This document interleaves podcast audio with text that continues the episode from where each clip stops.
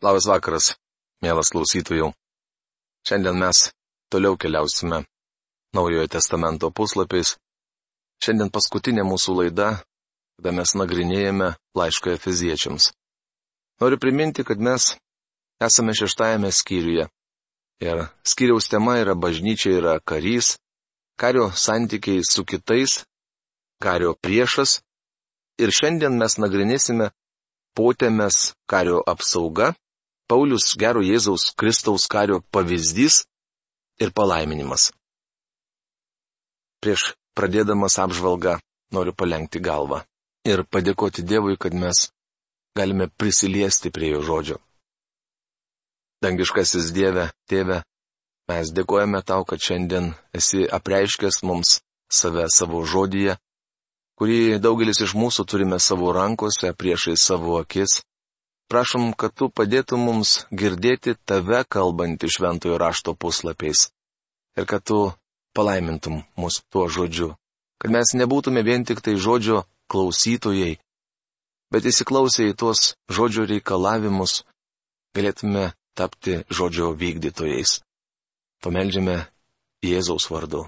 Amen. Kario apsauga. Todėl imkitės visų Dievo ginklų, kad galėtumėte piktąją dieną pasipriešinti ir visą nugalėję išsilaikyti. Efeziečiams laiško 6 skyriaus 13 eilutė. Priešas įvardytas, dabar Paulius prabyla apie mums prieinamą gynybos arsenalą. Tikinčiajam niekur neliepiama pulti ar verštis pirmin. Pagrindinis visos šios dalies žodis - išsilaikyti arba kaip verčia kostas burbulys - išstovėti.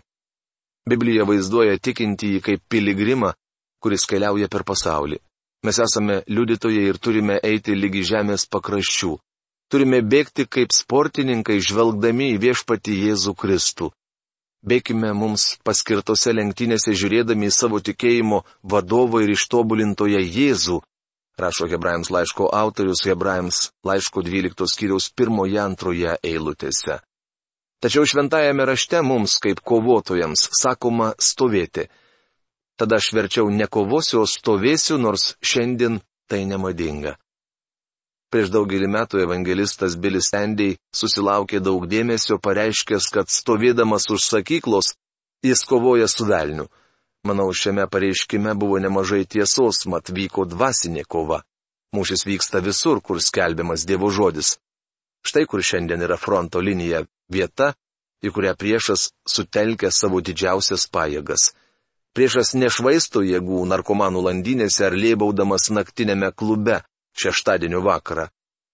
Prieš daugelį metų, kuomet buvau jaunas pamokslininkas ir aktyviai dalyvavau organizacijos jaunimas už Kristų veikloje, buvau kviečiamas kalbėti kiekvieną šeštadienio vakarą.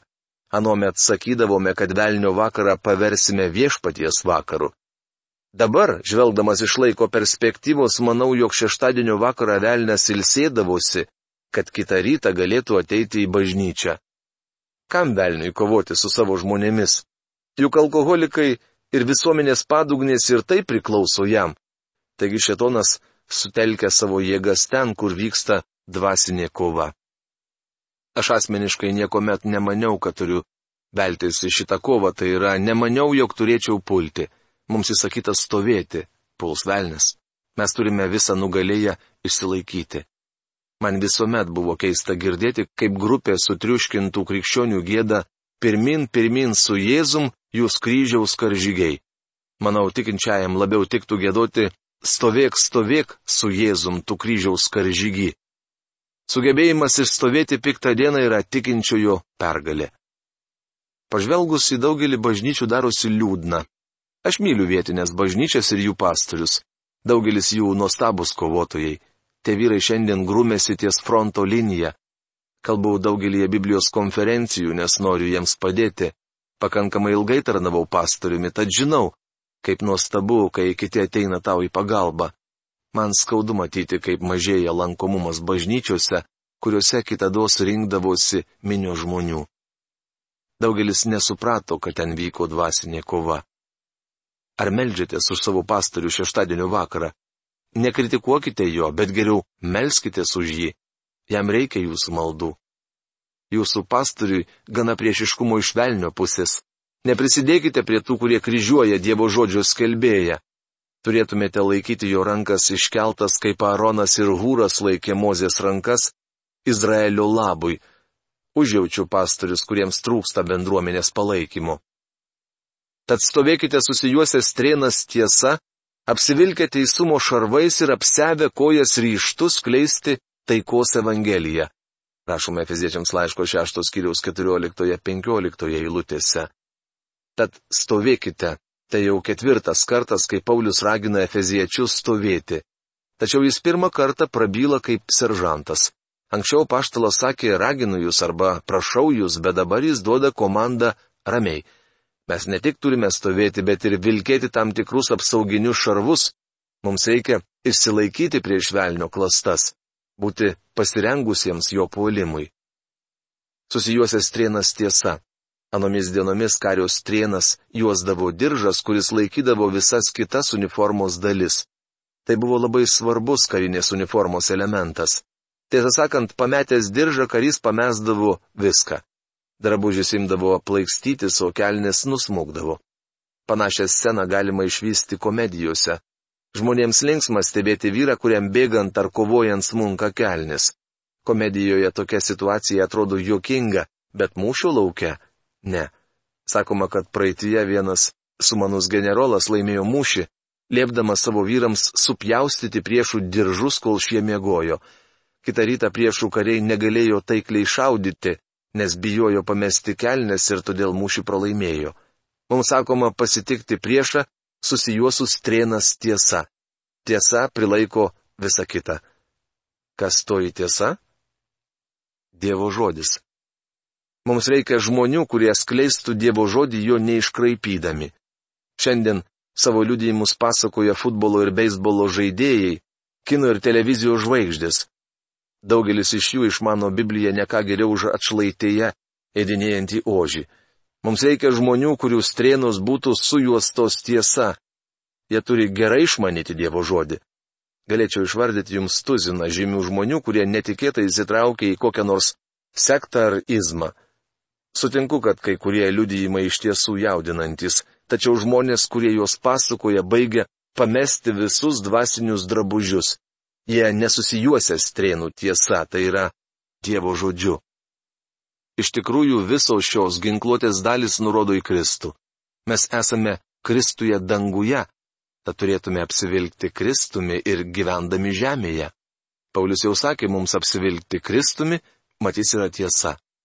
Neturėtume girdėti liudijimų, kurie neteikia garbės Jėzui Kristui. Daugelį liudijimų šlovinamas žmogus, pavyzdžiui, Aš buvau geras sportininkas arba aš buvau puikus atlikėjas, o dabar atiduodu savo nuostabų talentą Jėzui. Kitaip tariant, patikėkit, jam pasisekė, kad aš esu tarp jo pasiekėjų.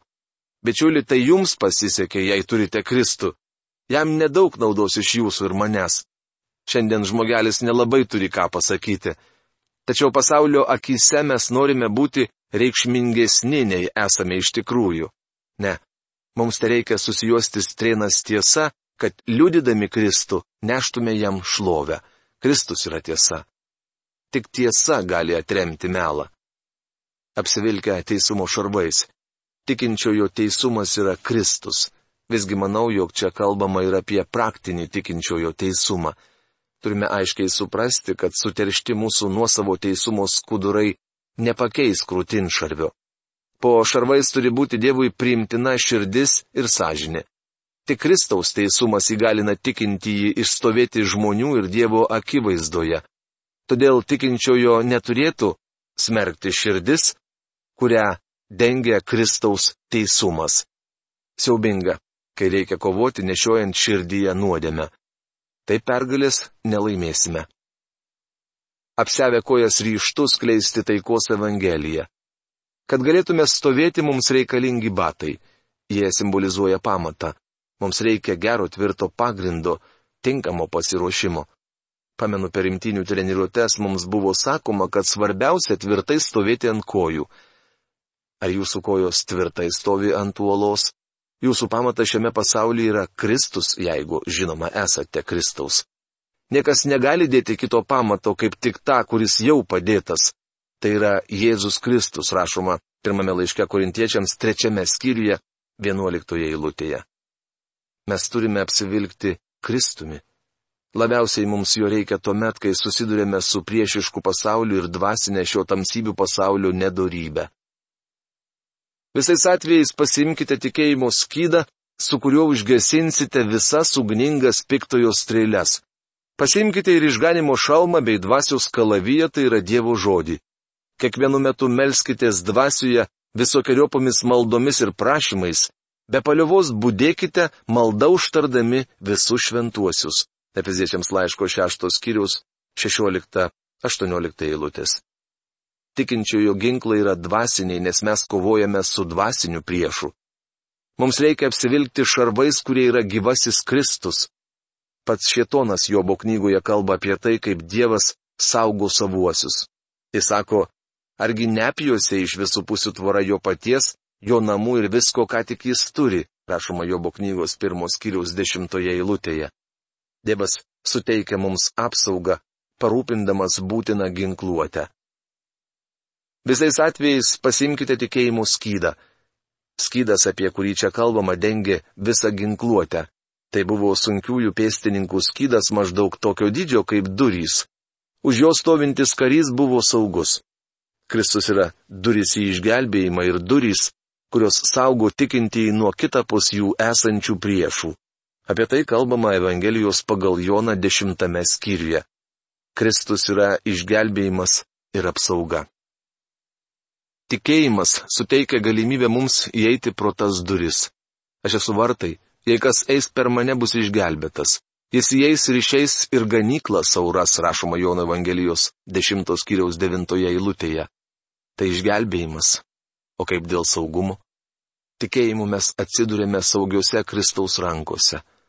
Mano siusavis klauso mano balso. Aš jas pažįstu ir jos seka paskui mane. Aš joms duodu amžinai gyvenimą, jos nežus per amžius ir niekas jų neišplėš iš mano rankos. Jono Evangelija 10 skyrius 27-28 eilutės.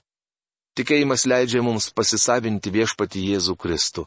Atsistoti už skydo, kuris užgesina visas ugningas piktojo strėlės. Ugningas piktojo strėlės. Velnes su įniršiu laido strėlės vieną po kitos. Pamenu koledžą, kuriame mokiausi, dėstytojavo sumanus filosofijos profesorius. Jis buvo baigęs mokslus Vokietijoje. Aš gerbiau jo intelektą, tačiau anuomet nesuvokiau, jog tas vyras nesažiningai juo naudojusi. Jis stengiasi išmušti man pagrindą iš pokojų. Aš bandydavau jam atsakyti, nors man būtų dėrėję tylėti. Tačiau ilgainiui mes susidraugavome ir po pamokos dažnai aptarinėdavome man rūpimus klausimus. Galiausiai ėmiau melstis, viešpatė, jei aš negaliu tikėti tavo žodžiu, nenoriu būti tarnautojas. Tuomet viešpats stebuklingų būdų nusintė mane pasiklausyti be ne nuostabiausio pamokslininko, kokį tik kada nors esu girdėjęs. Jis atsakė į mano klausimus. Supratau, jog kuomet į mane skrieja ugninga strėlė, o aš neturiu atsakymo, turiu iškelti tikėjimo skydą. Nuo to laiko taip ir ilgiuosi. Tikėjimo skydas puikiai atmuša ugningas piktojo strėlės. Pamenu, kitados man buvo sunku priimti už gryną pinigą pradžios knygoje prašytą sukūrimą. Buvau pasirengęs palikti tarnavimą, nes negalėjau susitaikyti su kai kuriais Biblijos teiginiais. Bėda buvo ne mano intelektas, nors aš galvojau esas per daug protingas, kad galėčiau tuo tikėti. Iš tikrųjų, aš per mažai žinojau. Taigi iškėliau tikėjimo skydą. Vienas žmogus, su kuriuo mes apžiūrinėjome archeologinių tyrimų vietą Izraelyje, paklausė manęs. Tarkime, jie surastų ką nors, kas regis paneigtų Biblijos neklystamumą. Kokios pozicijos laikytumėtės jūs? Aš atsakiau, pasiimčiau tikėjimo skydą, jis užgesintų ugningas piktojo strėlės. Pastebėjau, jo kai atmušu ugningą strėlę, vėliau sužinau teisingą atsakymą. Pamenu, buvo laikas, kai daugelis abejojo, ar Evangeliją pagal Joną parašė Jonas. Šiandien gana gerai žinoma, jog šią naujojo testamento knygą parašė apaštalas Jonas, tačiau vienu metu ir aš buvau be pradedas tuo abejoti. Ugningos piktojo strėlės yra greitos ir triuškinančios. Jos nepaliaus. Šias strėlės atmušti gali tik tikėjimo skydas, jis lik didelis durys. Sunkiai ginkluoti graikų pėstininkai hoplitai iškėlė šios milžiniškus skydus judėdavo į priekį, jais atmuždami viską, ką juos laidydavo priešai. Komet priešų šaudmenų atsargos baigdavosi, hoplitai puldavo ir juos nugalėdavo. Štai taip mes turime atmušti visas ugningas piktojo strėlės. Pasimkite ir išganimo šalmą. Šalmas saugo galvą, taigi Dievas apeliuoja į žmogaus protą. Taip jam rūpi širdis, bet rūpi ir protas. Visame šventajame rašte Dievas ragina žmogų mąstyti. Viešpats sako, eikite šiandien ir drauge pasvarstysime. Esate paraudę nuo nuodėmių, bet aš išbalinsiu jūs kaip sniegą, Jūsų nuodėmės raudonos it kraujas, bet jos gali tapti baltos it vilna, rašoma Izaijo knygos pirmos kiriaus 18 eilutėje. Pauliui dėstant apie teisumą, susilaikymą ir būsimą į teismą, Feliksas išsigando ir tarė, šiam kartui užtenka galėjti. Kai bus metas, aš tave pasišauksiu, rašoma paštalų darbų knygos 24 skyrius 25 eilutėje. Paulius aiškindamas Feliksų Jėzaus mokymą apeliavo ne tik į to vyro širdį, bet ir į jo protą. Taigi tikėjimas iš klausimo, o klausimas, kai skelbiamas Kristaus žodis. Romiečiams laiško 10 skyriaus 17 eilutė. Prieš daugelį metų, kai dar buvau studentas, liberalių pažiūrų teologijos profesorius man sakė, tikėjimas tai šuolis į tamsą. Nieko panašaus. Dievas nesako jums šokti į tamsą, atvirkščiai, Jis sako, nešokti ten, kur tamsu. Dievas nori, kad šoktumėte į šviesą. Jis trokšta pastatyti jūs ant tvirto, nuostabaus pagrindo. Kristus yra nusidėjėlio išgelbėjimas, jam atitenka šlovė, jis plunksna ant šalmos maigalio. Kristus yra tapęs mums išgelbėjimu. Ji pagimdys sūnų, kuriam tu duosi Jėzaus vardą, nes jis išgelbė savo tautą iš nuodėmių, rašoma Mato Evangelijos pirmos kiriaus 21 eilutėje. Jis buvo vadinamas gelbėtoju dar prieš tai, kai gimė Betliejuje. Paulius mini išganimo šalmą ir kitame laiške. O mes, priklausydami dienai, būkime blaivus ir dėvėkime tikėjimo bei meilės šarvus ir išganimo vilties šalmą. Rašoma pirmame laiške tesalonikiečiams penktame skyriuje, aštuntoje eilutėje. Iki šiol buvo minimi tik gynybiniai ginklai. Ar pastebėjote, kad visi jie dengia žmogų iš priekio? Tikinčiojo nugara neapsaugota, ginkluotė nepritaikyta atsitraukimui. Patikėkit, krikščionis bėgantis iš mūšio lauko yra lengvas taikinys priešui. Mes turime du puolamuosius ginklus. Pirmasis - Dievo žodis, vadinamas dvasios kalaviju. Dievo žodis yra gyvas, veiksmingas, aštresnis už bet kokį dviešmenį kalaviją. Jis prasiskverbia iki sielos ir dvasios atšakos, iki sanarių ir kaulų smegenų ir teisė širdies sumanimus bei mintis, rašoma Hebrajams laiško ketvirtos kiriaus dvyliktoje eilutėje. Kristus yra gyvasis Dievo žodis. Jis naudojosi Dievo žodžiu atsikirsdamas šietonui gundimo valandą. Armagedono mūšyje iš viešpaties burnosais aštrus dviešmenis kalavijas, Galite apie tai paskaityti apreiškimo knygos 1 skyriaus 16 ir 19 skyriaus 21 eilutėse. Jis laimi pergalę kalaviju. Kas tas kalavijas? Dievo žodis. Šiandien iš mūsų lūpų turi eiti aštrus kalavijas. Dievo žodis yra galingas polamasis ginklas.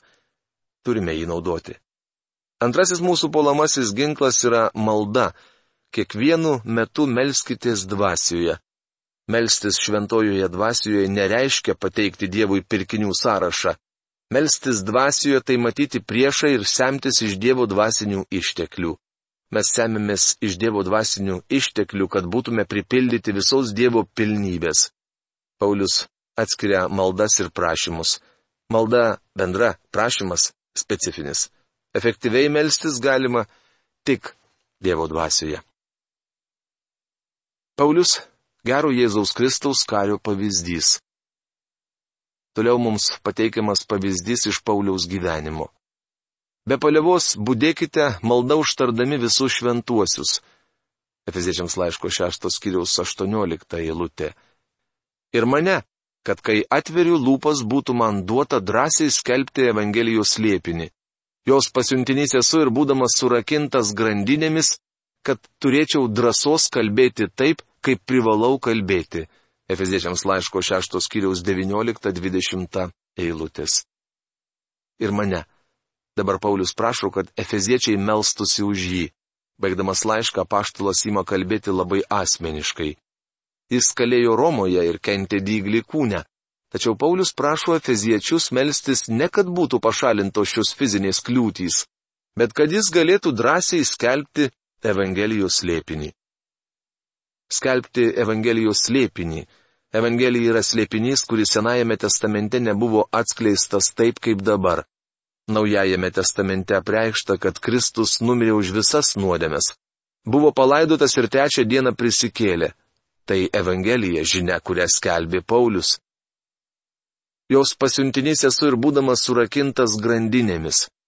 Paulius ką tik kalbėjo apie dvasinę kovą, dabar matome, kad rašydama šį laišką jis pats buvo puolamas priešo. Kad turėčiau drąsos kalbėti. Paulius prašo melstis už jį, kad jis galėtų drąsiai skelbti Evangeliją. Tokio užtarimo reikia ir mums. Mums reikia drąsos skelbiant Dievo žodį. Kad ir jūs sužinotumėte apie mano reikalus ir ką veikiu, visą papasakos jums Tichikas, mylimas brolis ir ištikimas padėjėjas viešpatyje. Aš tam jį ir siunčiu, kad jūs sužinotumėte apie mus ir kad jis paguostų jūsų širdis. Efeziečiams laiško 6 skyriaus 21-22 eilutės. Tichikas ne tik nugabeno laišką Efezo tikintiesiems, bet ir papasakojo jiems apie apaštalo Pauliaus būklę bei perspektyvą. Tichikas Efezo bažnyčios pastorius buvo vienas iš daugelio ištikimų Kristaus tarnų ankstyvojoje bažnyčioje. Apaštalos Paulius juo visiškai pasitikėjo. Kad jis pagostų jūsų širdis.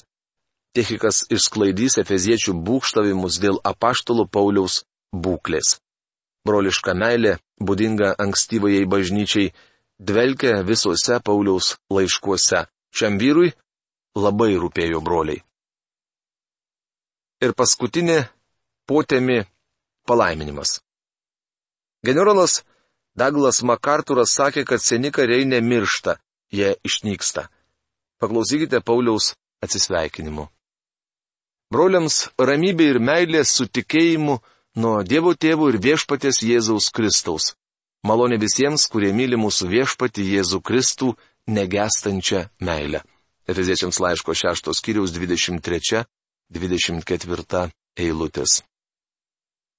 Pauliaus gulbės giesmė užrašyta antro laiško Timotėjų 4 skyriaus 6-8 eilutėse. Aš jau esu atnašaujamas ir mano iškeliavimas arti.